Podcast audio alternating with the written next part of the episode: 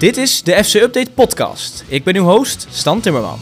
Tadic op weg naar de uitgang, Deli Alli doet zijn schokkende verhaal, King Kazu gaat nog een jaartje door en homofobische spreekkoren moeten verdwijnen uit het stadion. Het is vandaag vrijdag 14 juli, ik zit hier met Thijs Meijer. Thijs, goedemorgen. Goedemorgen Stan. Fijn eh, dat je er weer bent. Ja, ik, ik was hier op weg naartoe en ik had een draaiboekje voorbereid. En die moest ik toch even ineens over de kop gooien, want ja, Dusan Tadic, het is toch echt eh, klaar. Ja, Het begon inderdaad. eigenlijk bij een paar geruchten Ja. over Besiktas, en, en, maar het, blijkt, het is toch wel echt eh, klaar. Ja. ja, vorig jaar had je natuurlijk ook al geruchten. Volgens mij AC Milan werd wel eens genoemd. Maar ik denk dat alle Ajaxiden op het ergste voorbereid waren deze zomer. Maar niet op een vertrek van Dusan Tadic. Dus ja, het is echt een grote verrassing. In ieder geval in hoeverre je het een verrassing kan noemen. Want hij heeft natuurlijk wel al aangegeven een paar maanden geleden... dat hij niet ja, tevreden was over de selectie. Dat zei hij ook gewoon zo. Maar als dat ook echt de reden is dat hij vertrekt, ja...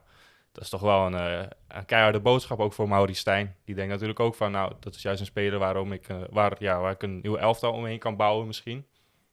die vertrekt nu, als Ja. het goed is. Nou, hij heeft gisteren eh, donderdag een meeting eh, van een half uur gehad met, eh met Mislintat. Dat, dat schreef de Telegraaf. Hij was er een half uurtje en hij heeft niet getraind en is dan ook gelijk weer weggegaan. Zijn zaakwaarnemer was erbij. Ja, toch een beetje een giftige man eigenlijk als je het allemaal zo bij Ja. elkaar optelt, hè? Inderdaad, ja. ja. Hij was vorig jaar ja, nauw betrokken bij het transferbeleid van Ajax. Nou, we hebben allemaal gezien hoe dat heeft uitgepakt. En ja, dan nu dit. Dat, los daarvan, maar dat, of, of het wel of niet goed uitpakt, dat moet toch sowieso, dat kan toch niet? Je kunt toch niet een zaakwaarnemer van een van je spelers daar zo bij betrokken eh, houden? Dat kan toch niet? Nee, normaal gesproken niet. Maar goed, ja, er is heel veel misgegaan bij Ajax in het afgelopen seizoen. En dat kan je natuurlijk niet allemaal zomaar even rechtzetten. Dus ja, dit blijkbaar ook niet. Nee, en eh, het is natuurlijk inderdaad de kwaliteit van de selectie. Eh, ja, het is misschien gewoon wachten tot Timber en, eh, en Alvarez verkocht zijn voordat Ajax iets kan doen. Want op dit punt vorig jaar, dan hebben we het over 14 juli, had Ajax alleen tussen haakjes Bergwijn en Wijndal binnen. En er kwamen voor 1 september nog acht spelers bij. Dus ja, normaal gesproken zullen dat soort spelers niet gauw in paniek raken. Maar dan zal er toch wel iets achter de schermen spelen. Waardoor hij denkt van hier moet ik, van dit zinkende schip moet ik afspringen. Ja, ja Mike Vrij had ja, vlak voordat wij deze podcast heb begonnen op te nemen, had hij ook een artikel geplaatst waarin stond dat Tadic eh vernam tijdens de vakantie dat Ajax interesse heeft slash had in Van den Berg eh, en Sint-Juste. En dat dat voor hem de druppel zou zijn geweest. Ja, of dat waar is, dat weten we natuurlijk niet. Het is ook een beetje een sensatie. Maar- want ik in datzelfde bericht stond dat het geëscaleerd is. Ja, terwijl inderdaad. volgens mij dat ook nog Volgens wel meevalt hoor. Maar Kijk, goed, als Stadisch inderdaad had verwacht dat tegen deze tijd wel een aantal topspelers gearriveerd zou zijn in Amsterdam, wat eigenlijk niet realistisch is. En ja, je ziet dat eh, op Van der Bomen en Tahirovic, die eigenlijk niemand nog echt goed kent, eh, niemand is gearriveerd. Ja, dan snap ik de teleurstelling wel, maar of dat ook echt een reden is om, ja, nou ja, te gaan muiten is misschien ook te ver gezocht, maar hij weigert wel te trainen. En vorig jaar deden Kudus, Alvarez deden dat en toen werd het echt over, ja, toen spraken we over muiten. Nou, toen ja. was het alleen niet komen trainen. Nu is het van hij is wel gekomen. Het is niet dat hij ergens op een boot eh, op, bij Ibiza dobbert of zo. Het is meer hij is dan daar voor een gesprek. En ja, Ja. ik vind het gewoon eng dat, dat er een, een, een zaakwaarnemer zoveel invloed heeft Ja. eigenlijk op iemand. Want dat zie je ook. Want Tadic is voor mij echt geen, geen domme gast. In het veld soms misschien wel, maar daarbuiten is hij voor mij best wel slim. En dat je dan een, een zaakwaarnemer... Voor mij heeft hij gewoon heel erg op me ingepraat op deze manier. Ja, dat zou best. Ik denk dat hij sowieso wel zijn mening over heeft gegeven. Maar ik denk dat Tadic ook wel iemand is die uiteindelijk zelf een beslissing neemt. Jawel, jawel, jawel. Dus heeft hij, dit heeft hij sowieso in samenspraak met zijn zaakwaarnemer gedaan. En misschien heeft zijn zaakwaarnemer wel gezegd van... eh joh, er valt bij een andere club veel meer te halen. Weet je wel, die doen wel top aankopen. Ik bedoel, wil je nog eh, in je laatste jaren nog eh, zo'n seizoen meedraaien bij Ajax... of wil je nog een keer prijzen winnen? Ja, maar het kan best zijn dat hij met, in een gesprek met Stijn te horen kreeg van... nou, je gaat niet elke wedstrijd basis staan. Dat Ja. hij daardoor nou ja, een minder beeld heeft gegeven van het komende seizoen. Want hij wordt dan in verband gebracht met Besiktas. Nou, die zijn afgelopen jaar derde geworden in eh, de Turkse competitie. Dus die gaan de kwalificatie voor de Conference League in. Dus ja, voor echt Europees voetbal eh, hoef Daar je niet te doen.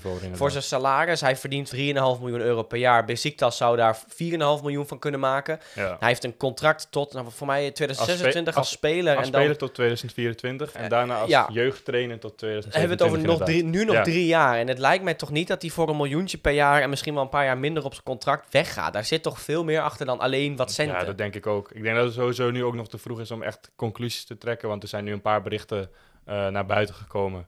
Maar ja, niemand die waarschijnlijk echt de waarheid weet, behalve Tadic en Ajax zelf. Ja. Dus dat is sowieso nog afwachten. Maar het is natuurlijk sowieso al opvallend dat het zoveel al naar buiten komt, deze transferperiode bij Ajax. Dus er is wel echt iets aan de hand, zeg maar. En dat ze in gesprek zijn over contractontbinding, ja. Ja, dat eh, geeft toch een beetje flashbacks naar de situatie blind. Als het niet helemaal te vergelijken. Nee, maar Blind heeft natuurlijk ook een tijdje daar eh, rondgelopen. En eh, nou ja, die, die, die heeft op de bank gezeten. Ja, en dat zien we nog, die beelden zien we nog allemaal Ja. voor ons.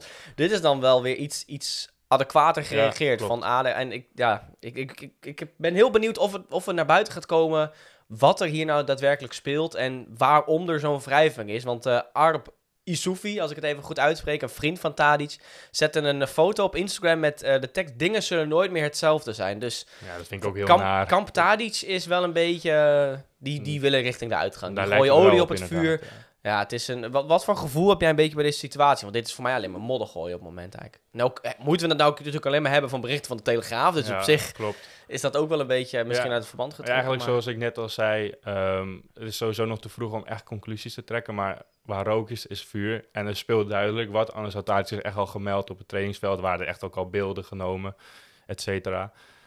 Ja, het is gewoon voor Ajax heel vervelend dat eh, zo'n speler, vooral in deze tijd, waarin gewoon een nieuw elftal moet worden opgebouwd. En Tadic ja wel een speler bij uitstek is om ja, dat mee te doen, zeg maar. Dat die vertrekt. Vooral, ja, je moet als Ajax toch een beetje voorkomen dat je een vreemdelingen elftal krijgt. En Tadic, ja, die speelt nu al...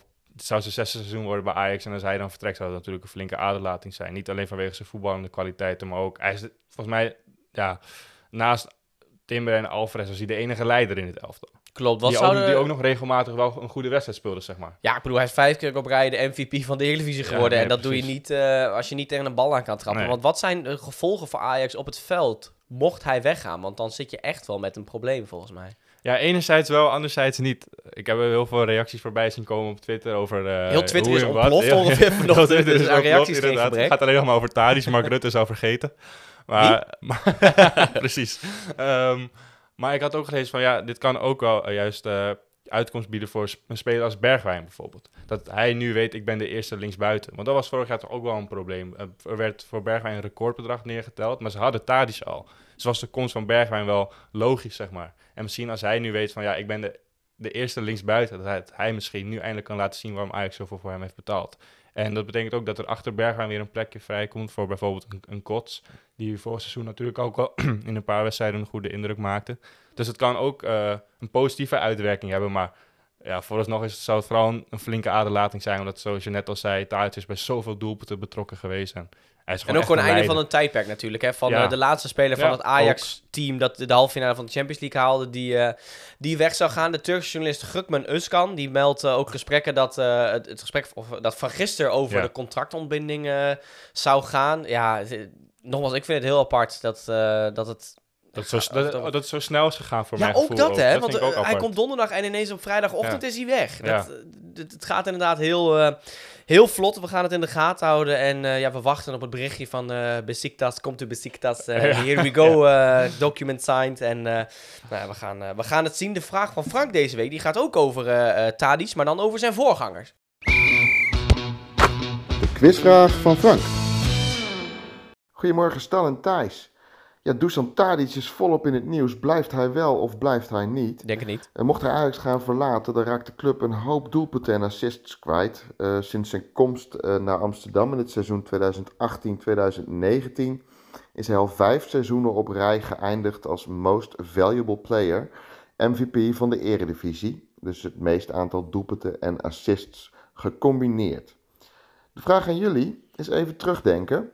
Wie was MVP van de Eredivisie in het laatste seizoen voordat Tadic terugkwam naar Nederland? Dus het seizoen 2017-2018. Heel veel succes.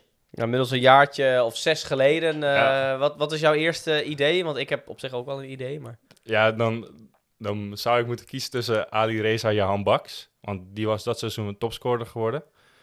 En ik kan me ook nog heel goed herinneren dat het in de laatste competitiewedstrijd van AZ... volgens mij tegen Heracles echt een onderlinge strijd was tussen Wout Weghorst en Jahan Baks... wie topscorer van AZ en van de Eredivisie zou worden.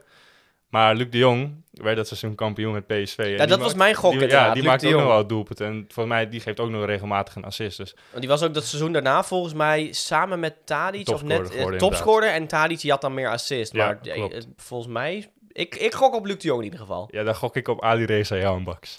Ja, daar komt hij. De MVP van het seizoen 2017-2018 speelde voor AZ. Oh, Scoorde zelf ik heb hem al fout. 21 keer. Gaf 12 keer een assist aan een teamgenoot. Komt uit Iran en luistert naar de naam. Ja, ja, ja, ja. Toen ik de assist hoorde, Ja, dan... eh, ja, ja, handbaks. Nou, Thijs, van harte gefeliciteerd. je hebt hem niet gegoogeld, hè, van tevoren. Nee, zeker niet. Keurig. Zeker niet. Nee, je handbaks groot talent eh, destijds is helaas, ja... Is het wat geworden wat we ervan hadden verwacht? In het buitenland niet, maar hij bij Feyenoord volgens mij nog wel zijn waarde gehad. Er gingen nu wel geruchten dat hij eh, richting de uitgang gewerkt zou worden door Arne Slot, maar dat heeft Slot zelf alweer Dat eh, lijkt me ook heel raar, maar. want Feyenoord heeft al hele zwakke flanken. Ja, eh, laat staan dat ze dan ook nog hem laten vertrekken. Ehm, een ander groot talent, even een bruggetje. Nachi Unuvar, bij Ajax een groot talent. Die is, wordt nu bij Twente gehuurd van Ajax. Vorig jaar verhuurd aan Trabzonspor. Die is nu inmiddels 20 jaar en ja, die werd toch altijd wel bestempeld als een groot talent. Is het eigenlijk nog steeds. En hij heeft een beetje teruggebeten naar de mensen die heel kritisch op hem waren. Want ja, niet iedereen heeft een traject als Matthijs de Ligt. Niet iedereen staat klaar op zijn zeventiende voor de Champions League. En dat is eigenlijk wel een, een mooie pas op de plaats. Want ja, zijn we eigenlijk niet met z'n allen veel te kritisch op aanstormende talenten? Want wij verwachten inderdaad door jongens als de Ligt... dat spelers eh, van, die heel jong zijn, die direct al staan... en eh hun mannetje staan in de Champions League. Ja, nee, klopt. Hey, je hebt gelijk. Ik denk dat voor Univar ook een beetje het probleem was dat hij ehm, eigenlijk eraan kwam. Juist in de ja, glorietijden is een beetje overdreven, maar in de goede jaren van Ajax onder Ten Hag. Ehm, toen was het niveau sowieso bij Ajax heel hoog en de verwachtingen dus ook. Dus ook als je wilde aansluiten. Ehm ja, het spelers als Ziyech bijvoorbeeld voor zich. En als je dan je debuut maakt op jonge leeftijd. Voor mij scoorde hij toen ook meteen tegen Spakenburg in de beker. En daar wordt er gewoon heel veel van je verwacht. En ja, Hij was sowieso vanuit de jeugd al heel veel bekeken. Ja, heel ook. de Appie Nouri Ja. trofee heeft hij volgens mij ook een keer gewonnen. Dus er staat natuurlijk wel een, een grote druk ook op zijn schouders. Maar dat heb je wel vaker met jongens uit de Ajax-jeugd. Die echt met een grote druk om... Ja, eh, maar sowieso in Nederland ook. Ook als je uit de jeugdopleiding van Feyenoord of PSV komt, wordt toch best wel veel van je verwacht of zo. Ook omdat in de laatste jaren wel veel ehm, ja, talenten op jonge leeftijd al naar het buitenland zijn vertrokken. Dat geldt natuurlijk ook voor Matthijs de Ligt. Eh, maar die was wel heel goed voor zijn leeftijd. Dus Als je denkt aan bijvoorbeeld een Bakayoko van PSV, daar werd ook vanaf het begin redelijk wat van verwacht. Nou, Ja. en die nou, ja, doet het voor mij ook nog wel redelijk goed. ja, eh. die heeft ook even tijd gehad eigenlijk om ja, precies. eh, ja, naar dat niveau toe te groeien. Maar die kan nu gewoon een belangrijke speler voor, worden voor PSV. Dus ik denk dat we in Nederland wel eh, wat sneller jonge spelers moeten afschrijven, zeg maar. Want je moet ze ook de tijd geven. En hij, hij is pas 20 jaar, Unifor. Unifor. Hij heeft nog zijn hebben hele, nog wel even. hij heeft nog zijn hele toekomst voor zich, zeg maar. Zijn hele loopbaan bijna. Dus ja, ik snap op zich wel dat hij denkt van... eh ik, even rustig, joh. van me. Ja, precies. En hij maakte vorig jaar eigenlijk de stap naar het buitenland. Dat heeft niet helemaal uitgepakt zoals hij wilde. Dus ja, nu bij FC Twente. Ik ben wel benieuwd wat hij kan laten zien. Hij moet Czerny natuurlijk doen eh, vergeten. Ja. is een beetje vroeg. Maar denk je dat hij in ieder geval een gooi kan doen naar... Nou ja, eh, doen vergeten van Czerny? om Hij kan heel goed voetballen. Ik bedoel, voor hij, dat, is een speler waarvoor je naar het stadion komt. Eh, die zie je ook niet zo heel veel meer. Het is een, eigenlijk een aanvallende middenvelder. Maar ik denk dat hij bij FC Twente eh, ja, op de flank gaat spelen, maar met, met de vrijheid om te zwerven, zeg maar. Een soort Ehm, Ziyech-rol, ja. zeg maar. Dus ik denk dat hij in die rol wel heel belangrijk kan worden voor Twente. Of hij dan Czerny kan doen vergeten, dat... is misschien wel een beetje vlot. Dat is misschien weer die ene lat waar we het over precies. hebben, maar- Misschien moeten we dat juist niet doen inderdaad. Gewoon, kan Univar zijn ding doen? Ik denk het wel. Czerny is Czerny en Ja, Unuvar is Unuvar. En die laten we eventjes eh, gescheiden. Maar ik ben heel benieuwd ook wat voor elftal Twente gaat bouwen. Natuurlijk met Saruki die nu weg is en uh, Czerny die weg is. Ben ik heel benieuwd. Ik zag nog een filmpje van eh, Oosting op de training eh, bij Twente. Die echt, echt tekeer ging op die jongens. En we zijn net weer begonnen. Maar dat is Ja. wel heel, als je Twente-fan bent, is dat wel hoopvol. Ja, want Twente moet ook alweer bijna aan de bak in Europa. Hè? Dus, eh, Zeker, die beginnen heel vroeg. Ja, dus, Daarover gesproken, even op een zijspoor. Dit staat ook niet in mijn draaiboek, maar dit wilde ik wel even bespreken. Ehm, bij Twente hebben nou, eh, is het vak naast het uitvak, het schijnt dat daar heel veel Zweden kaartjes Ja. hebben gekocht. En daar zijn Twente-fans ook heel boos over. Hoe denk je dat, dat Twente daarop had moeten ingrijpen? Want nou ja, heel veel Zweden hebben ineens clubkaarten aangevraagd. Dan lijkt het me toch heel naïef om dat soort mensen... Oh, we hebben nieuwe fans uit Zweden, Ja. kom maar langs. Dat is toch een beetje naïef. Ja, ik, denk, dat- ik denk ook niet dat dat de bedoeling is geweest. Maar voor mij was het al een paar weken geleden speelde het al. Dat eh, ja, de vrees bestond dat heel veel Zweedse supporters naar Enschede Nou, zouden dat komen. op, zich, op zichzelf niet een heel groot probleem. Nee, tenzij ze met precies. balaclava's en eh Nee, koevoets er komen. Ja, maar... Als ze zich gewoon gedragen, dan denk ik dat het alleen maar gezellig kan Tuurlijk, zijn. 100%. Maar ik snap als FC Twente-fan wel dat je denkt van... hé, hey, die plekken horen toch voor ons te zijn... en niet voor supporters van de tegenstander, zeg maar. Want Inderdaad. je krijgt toch altijd wel een beetje dat, dat provoceren of zo, weet je wel. Het is wel een Europese wedstrijd, het is geen oefenwedstrijd. Dus Ik moet zeggen, ik, weet- kijk, bij. Fiorentina had je al kunnen voorspellen dat dat eventueel mis zou gaan. Ja. Of bij andere clubs. Maar bij Namibia, ja, ik heb er ook niet echt een idee bij of zo. Dus ik weet ook niet wat ik... Zijn dat allemaal eh, jongens met het mes tussen de tanden? Of zijn dat... Kijk, maar als je Twente ergens loslaat... Ja, voor mij zijn dat op zich gewoon keurige jongens die zich redelijk gedragen. Over het algemeen. Er zitten natuurlijk altijd rotte appels Ja, ik, ik, ik ken de club niet goed genoeg genoeg, dus de achterban ook niet. Maar eh, ja, ik ben wel benieuwd wat het teweeg brengt. Het wordt wel een, uh, een, interessant potje. Een heet sfeertje, denk ik, in de Grolsvesten dan. Maar goed, dat, dat kan, al sowieso kan gauw hè, bij de ja, precies, Dus ik dus, ben heel, uh, heel benieuwd. Laten ja. we hopen dat, uh, dat Twente die ronde overleeft in uh, de voorronde van de Conference League.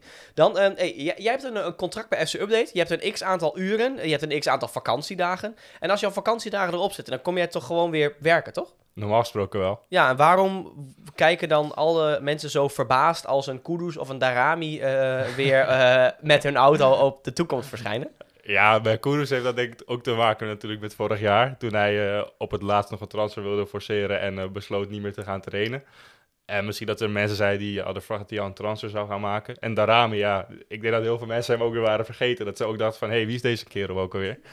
Wordt het de Rami season uh, dit jaar? Want hij, hij, had een mooi afscheid bij uh, Kopenhagen. Met, bij de Ultra's uh, mocht de... hij op dat ding staan. En met ja. een. Met, ik, ja, ik kan geen Deens, dus ik verstond niet wat hij zei. Maar in ieder geval met een megafoon sprak hij ze toe. En nou, toch echt wel een publiekslieveling. Dat was hij natuurlijk ook sowieso al toen hij naar Ajax, aan Ajax werd verkocht. Maar die komt ook gewoon weer terug. Dus Ja. kunnen we die dan nu zien als een aanwinst? Of is dat gewoon iemand die terugkomt na zijn huurperiode? Want ik denk dat dit wel echt een aanwinst is. We, hadden het net natuurlijk over de linksbuitenpositie Ja, precies, als ja. Vertrekt. En ik was de raam eigenlijk helemaal vergeten te benoemen. Maar als er iemand blij is dat, eh, waarschijnlijk blij is dat gaat, dan is dat, is dat de Rami wel. Want die heeft dan nog wel Bergwijn voor zich. Maar ja, die ruikt zijn kansen nu al, denk ik. Want anders was hij misschien derde of vierde keuze op die positie. Dus En- ja, voor, en zolang Ajax geen versterkingen binnenhaalt, is hij, als hij de vorm van zijn huurperiode bij FC Kopenhagen kan doortrekken, wel, een aanwinst voor Ajax in hoeverre je dat kan doen. Want ik heb hem al een tijdje niet zien spelen. En in zijn eerste seizoen bij Ajax lukte er natuurlijk niet zo heel veel. Maar dat was toen ook, hè. Die werd voor meer dan 10 miljoen euro binnengehaald. En de verwachtingen waren weer heel hoog. Was het wel helemaal fair, weet je wel. Want uiteindelijk is hij niet degene die bepaalt dat hij voor 12 miljoen euro wordt gekocht. Dus ik denk dat de verwachtingen ook gewoon weer veel te hoog waren. En we zien dat hij nu... eh, hij heeft vertrouwen opgedaan bij FC Kopenhagen. En dat hij misschien wel een openbaring kan worden dit seizoen of zo. Dat is, al- maar dat vind ik ook altijd het mooie van de voorbereiding, weet je wel. Spelers die la- dan laten zien, dus ik ben benieuwd. Hij is 21, hè, dus we moeten ook niet Nee, te snel Hij afschrijven. is ook nog jong, hij is ook nog jong. Ik, waar hebben we het over, man?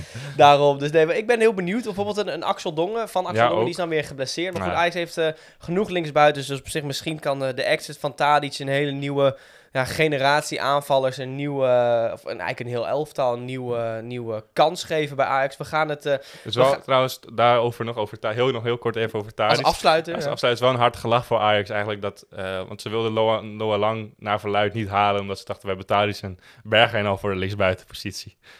Ja, Ja. dus achteraf is natuurlijk al, altijd eh, wat makkelijker praten. Maar goed, dat is toch wel hard gelach.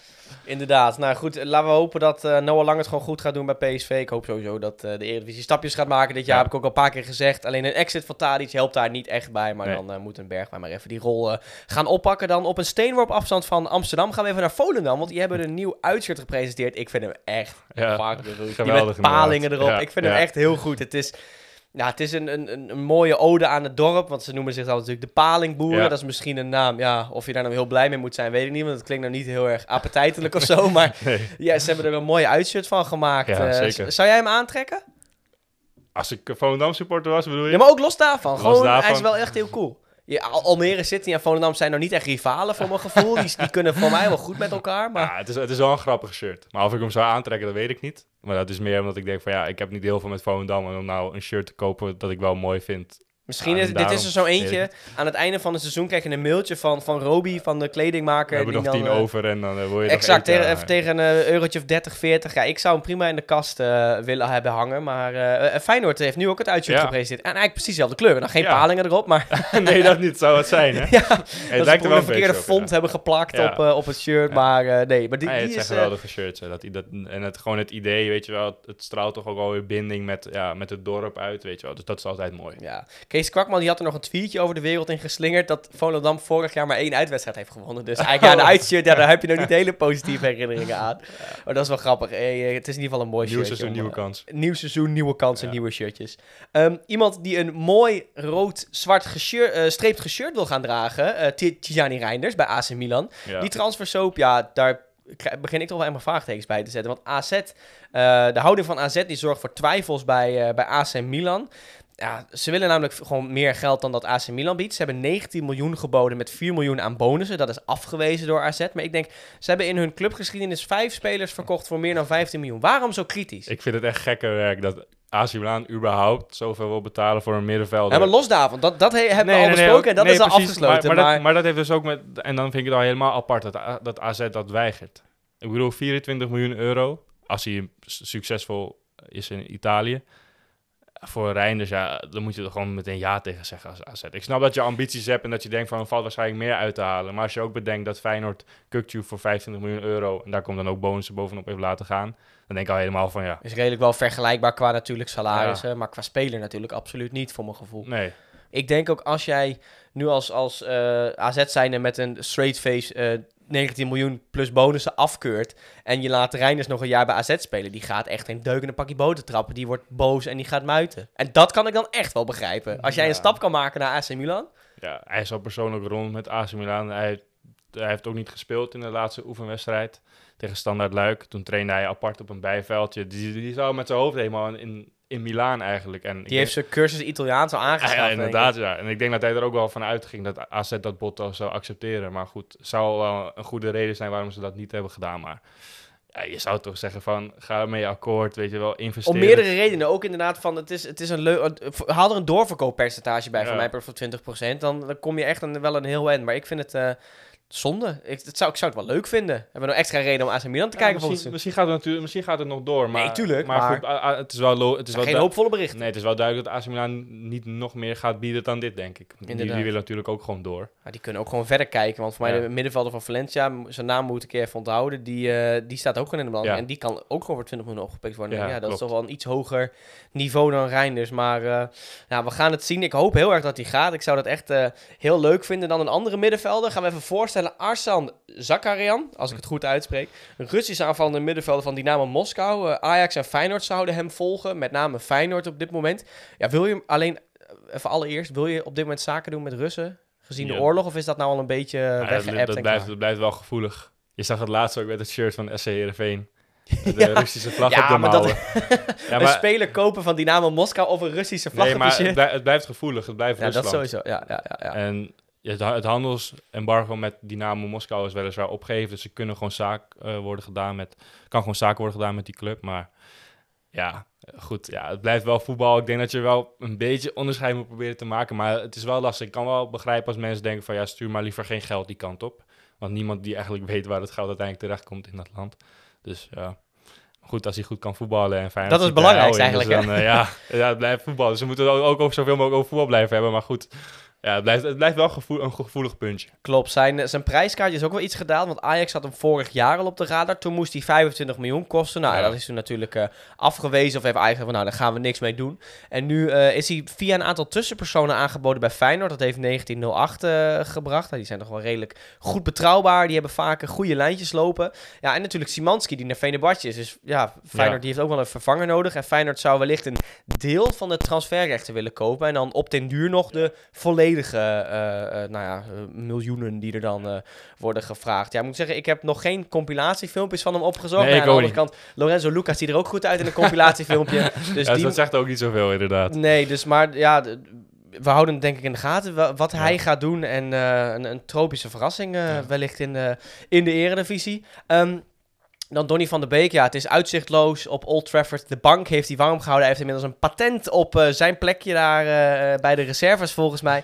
Maar Atalanta hoeft hem ook niet eh, te hebben. Hij eh, werd door eh, United ingezet als ruilmiddel voor een deal met spits Rasmus Heulund. Ja. Beetje het kleine neefje van Haaland, om zo maar even te zeggen. Maar ja, ook Atalanta, die hoeft hem niet als ruilmiddel. Eh, McTominay en Fred zouden ook aangeboden zijn als ruilmiddel. Het hele middenveld eh, Ja. hebben ze van, nou, welke wil je hebben? Kies maar. Maar geen van die allen eh, willen ze hebben. Ja, het wordt steeds sneuierrijk hè, voor Van de Beek Ja, het daar. begint wel pijnlijk te worden, Want inderdaad. het, ja. het leek Ja. een heel mooi sprookje met nou, dan, eh, de, de reddende engel Ten Hag Ja. en, en al die jongens die er naartoe kwamen. Maar ook dat Hij mocht heeft- niet baten. Hij heeft ook heel veel pech gehad met blessures natuurlijk. Je Ja, raakte klopt. begin dit jaar ook weer ernstig geblesseerd. Heeft daardoor ook niks meer gespeeld. Maar ja, goed, daarvoor ja, speelde hij ook al bijna Nou, niet eigenlijk. Een keer invalbeurt. eigenlijk nooit indruk. Hij maakte toen tegen Newcastle voor mij een invalbeurt. En toen na acht minuten. Of mocht hij toen, mocht hij toen net niet in de basis weer een keer beginnen. En Ja, toen toen kreeg hij een zware blessure. Ja. Sneu. Ja, maar Engelse media zijn ook altijd heel kritisch op hem als hij speelt. Dus ik denk, het is sowieso voor hem Het is het, wel de. Premier League, hè, dus we moeten ook wel kritisch blijven. Maar Engelse pers kunnen vaak Ja, maar er werd natuurlijk, wel, werd natuurlijk wel flink voor hem betaald. hè. En hij Ja, was ja, natuurlijk wel basisspeler van een goed Ajax. Dus ja, nu ook weer verwachtingen, maar die waren toen wel terecht, vond ik. Terwijl hij- toch hij, Van de Beek, ook heel ja, goed. Hij heeft ook niet echt een kans gehad of zo, voor mijn gevoel.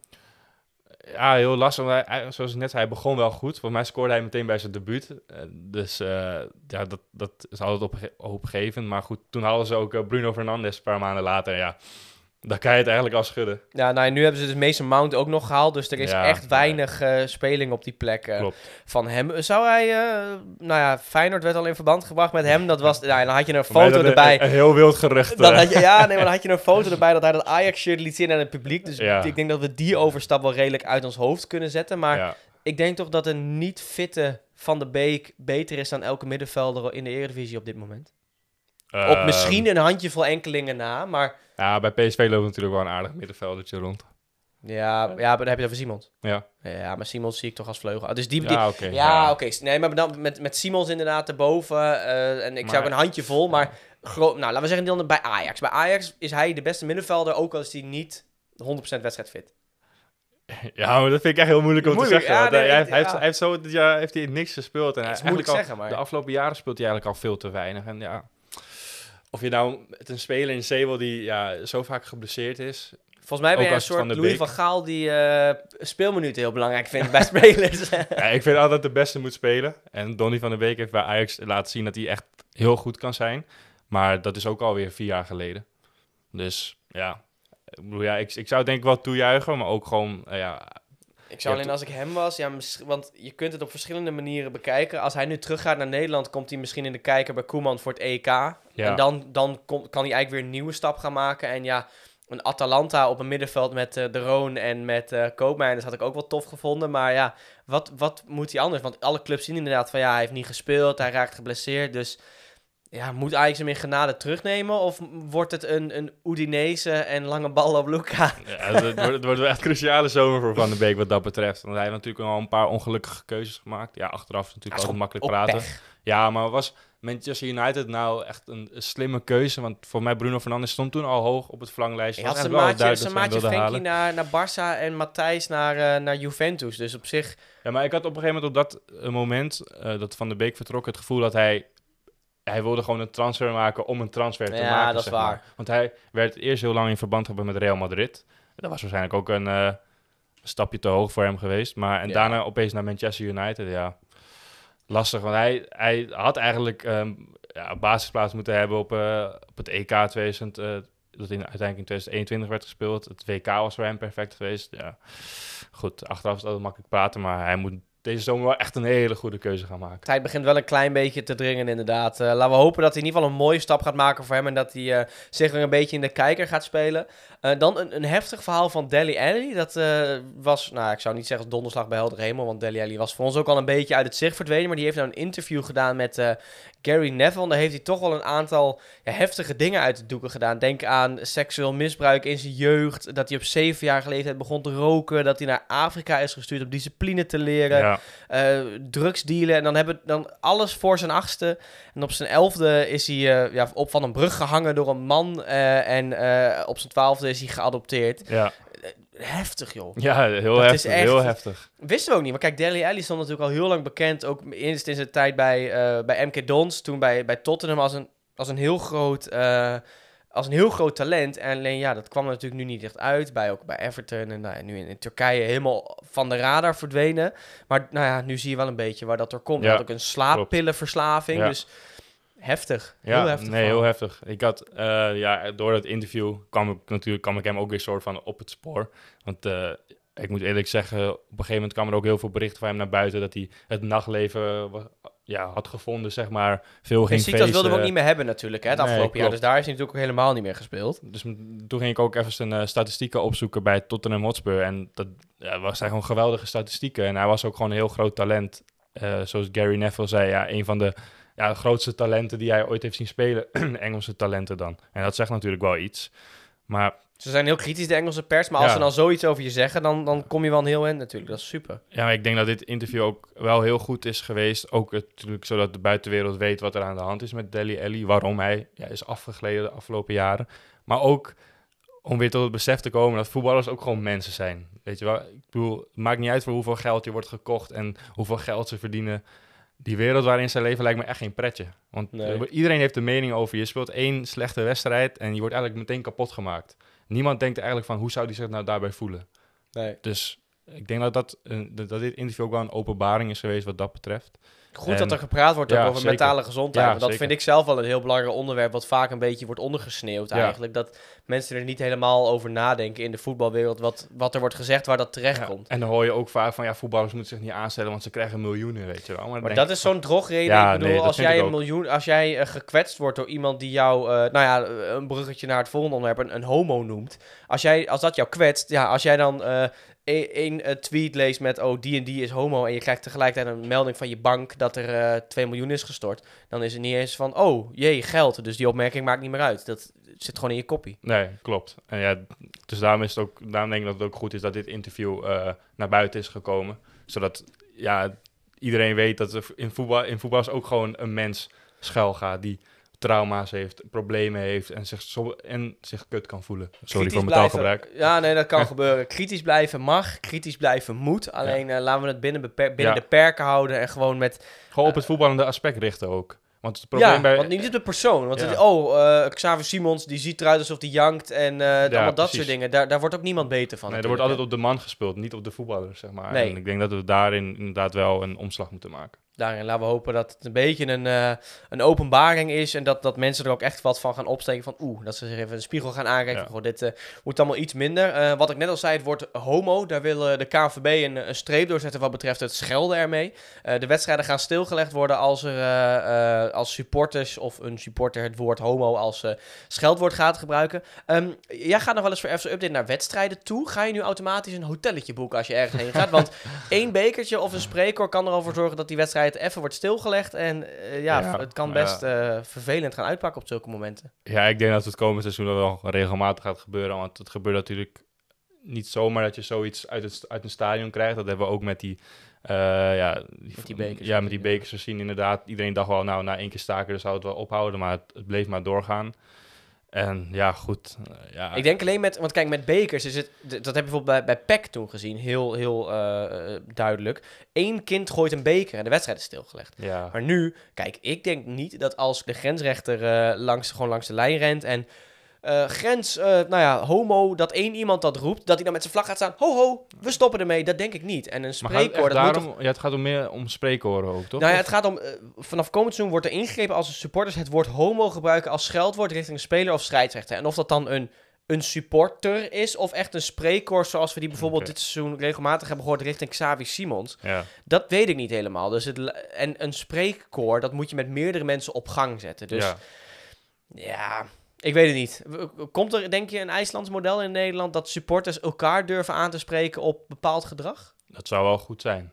Ik kom wel eens bij HC Hardenberg. En als je daar langs de lijn staat, nou ja, als iemand daar iets eh, zegt, er wordt gevloekt met een ziekte of eh, dingen die worden gezongen gaan te ver, dan wordt er echt ingegrepen. Maar goed, laten we hopen dat dat een beetje doorcijpelt naar, naar het betaalde voetbal, om zo maar even te zeggen. Ik vind sowieso dat, dat er gekapt moet worden met eh, ja, schelden. Kijk, homo wordt nu als scheldwoord gebruikt, maar dat is het natuurlijk totaal niet. Het slaat helemaal nergens op. Maar dat geldt ook voor al dat gekanker in het stadion. Ja. Eh, dat, dat, dat, moet, dat moet ook stoppen. Alleen ja, de vraag is, ja, hoe stop je dat? Want dan moet je ook echt ja, op de man... Dat is meer, ne dat is meer zeg maar, de Nederlandse maatschappij dan Ja. alleen zeg maar, eh, het voetbal. Want voetbal is natuurlijk hashtag emoties, dat weten we allemaal. Eh, alleen het, het Nederlanders schelden sowieso heel veel. Heel Ja, veel met klopt, ziektes en, ja. en noem maar op. Dus Eh, het is ook een maatschappelijk probleem. Alleen in Ja. de voetbalstadions komt dat gewoon heel vaak tot uiting. En dat, dat moet stoppen. voetbal is, ja, wat ik zei, voetbal is emotie. En dan komen dat soort dingen, die komen eruit. Ja, gewoon, je, gewoon je clubsupporter gewoon op een, eh, ja, op een goede manier En ja, ik snap dat je soms wel uit de tent laat lokken door een tegenstander die aan het tijdrekken is of zo. Maar wat schiet je ermee op om, om hem uit te schelden? Denk, hij nou, denk je dan nou echt dat hij dan gaat stoppen met tijdrekken? Stop Dat- gewoon mee. en- Dat denk ja. ik niet. Al dus eh, de ambassadeur voor de bond eh, tegen Schelden. Thijs, dankjewel. Alvast afsluiten. King Kazu, die gaat eh, zijn contract verlengen. De 56-jarige middenvelder van uh, Olivier, Oliveriense, als ik het even goed uitspreek. Ja. Eh, tweede niveau van Portugal. Die eh, wil eigenlijk door tot zijn 60ste, gehuurd van Yokohama. Ja, Ja, zo dit is geinig. Ik moet zeggen, ik wil, ik wil hem wel eens eh, een wedstrijd van hem zien van wat voor tempo zit daarbij. Is hij sneller dan Tadic? Dat soort dingen ben ik wel benieuwd naar. Sneller dan blind, ben ik wel benieuwd naar. Sneller dan Ja. blind. Het zijn wel, ja, nou ja, als hij eh, als blind hem voorbij loopt. Ja, goed. nou goed, het is eh, toch wel leuk. eh, iemand die tot zijn zestigste door wil gaan. Ja, nee, Zou jij het kunnen? ik, ik, denk het niet. Het is een heel bijzonder verhaal. Ik vraag me ook af hoe hij, hoe hij dat volhoudt. Maar goed, eh, ja. Ja, is leuk. grappig. Ja, het is grappig Het is inderdaad. Ja. Nou, Thijs, dan wil ik jou bedanken voor het, eh, voor het aanschuiven weer. We hebben afgelopen woensdag een podcast geüpload met eh, Nick Hengelman. Dat doet misschien niet direct een, eh, een belletje rinkelen, maar hij is oudkeeper van Ajax, oudkeeper van Twente. Echt een luistertipje. Hij heeft een, een boek uitgebracht. Hij heeft verteld over hoe zijn carrière was, over hoe het ook is om te stoppen als profvoetballer. Dat is dus een, een, een tipje voor, voor de luisteraars. Geef ons een leuke beoordeling op Spotify en beantwoord onze Q&A.